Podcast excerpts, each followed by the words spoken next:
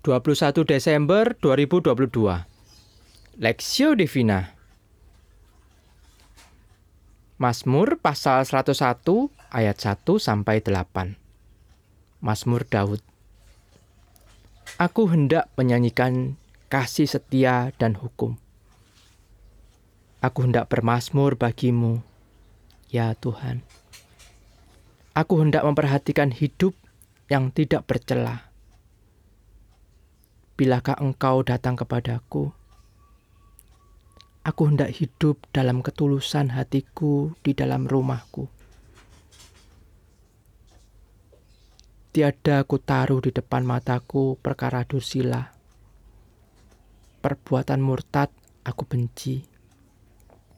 Itu takkan melekat padaku.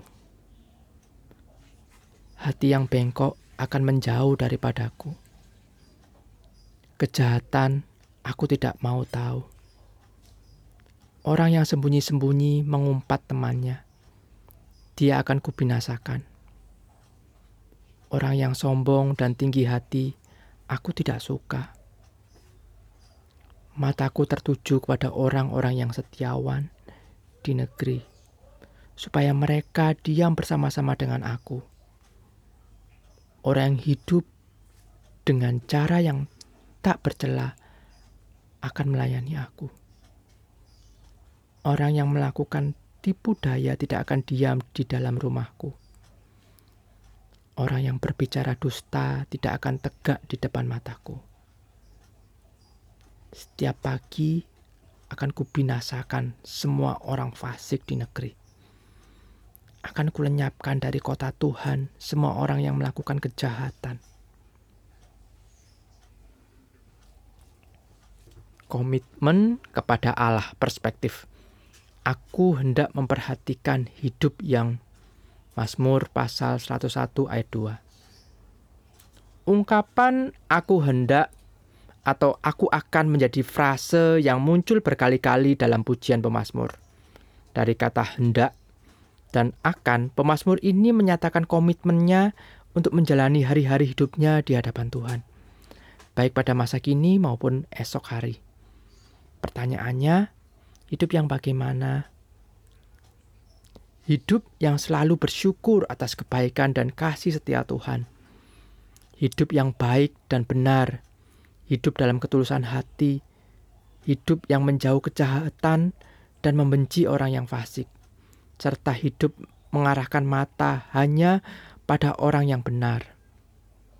Kamus Bahasa Indonesia meng mendefinisikan komitmen sebagai perjanjian atau keterikatan untuk melakukan sesuatu atau kontak atau janji hendak berbuat sesuatu jika maksud atau keinginannya tercapai. Misal, saya berkomitmen akan mencukur rambut jika lulus ujian masuk sekolah kepolisian. Dalam Alkitab, komitmen atau nazar menggunakan kata Ibrani nadar, diartikan sebagai berjanji atau bersumpah.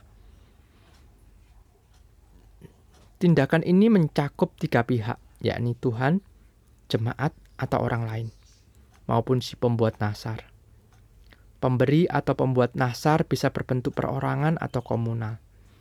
Biasanya jemaat atau orang lain berperan sebagai saksi, sementara Tuhan bertindak sebagai penerima nasar. Tujuan bernasar biasanya bukan hanya demi mendapat berkat atau pengabulan dos, doa dari Tuhan, melainkan juga demi kebaikan diri sendiri atau komunitas. Kedua, agar mendapat belas kasihan dari Allah. Yang ketiga, sebuah bentuk penyerahan diri secara total kepada Tuhan.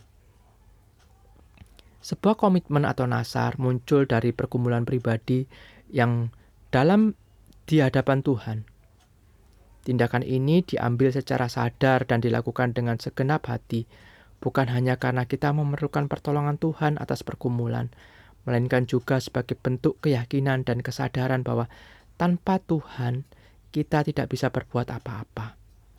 Ketika orang percaya mengambil komitmen atau bernasar, maka ia telah terikat perjanjian dengan Tuhan.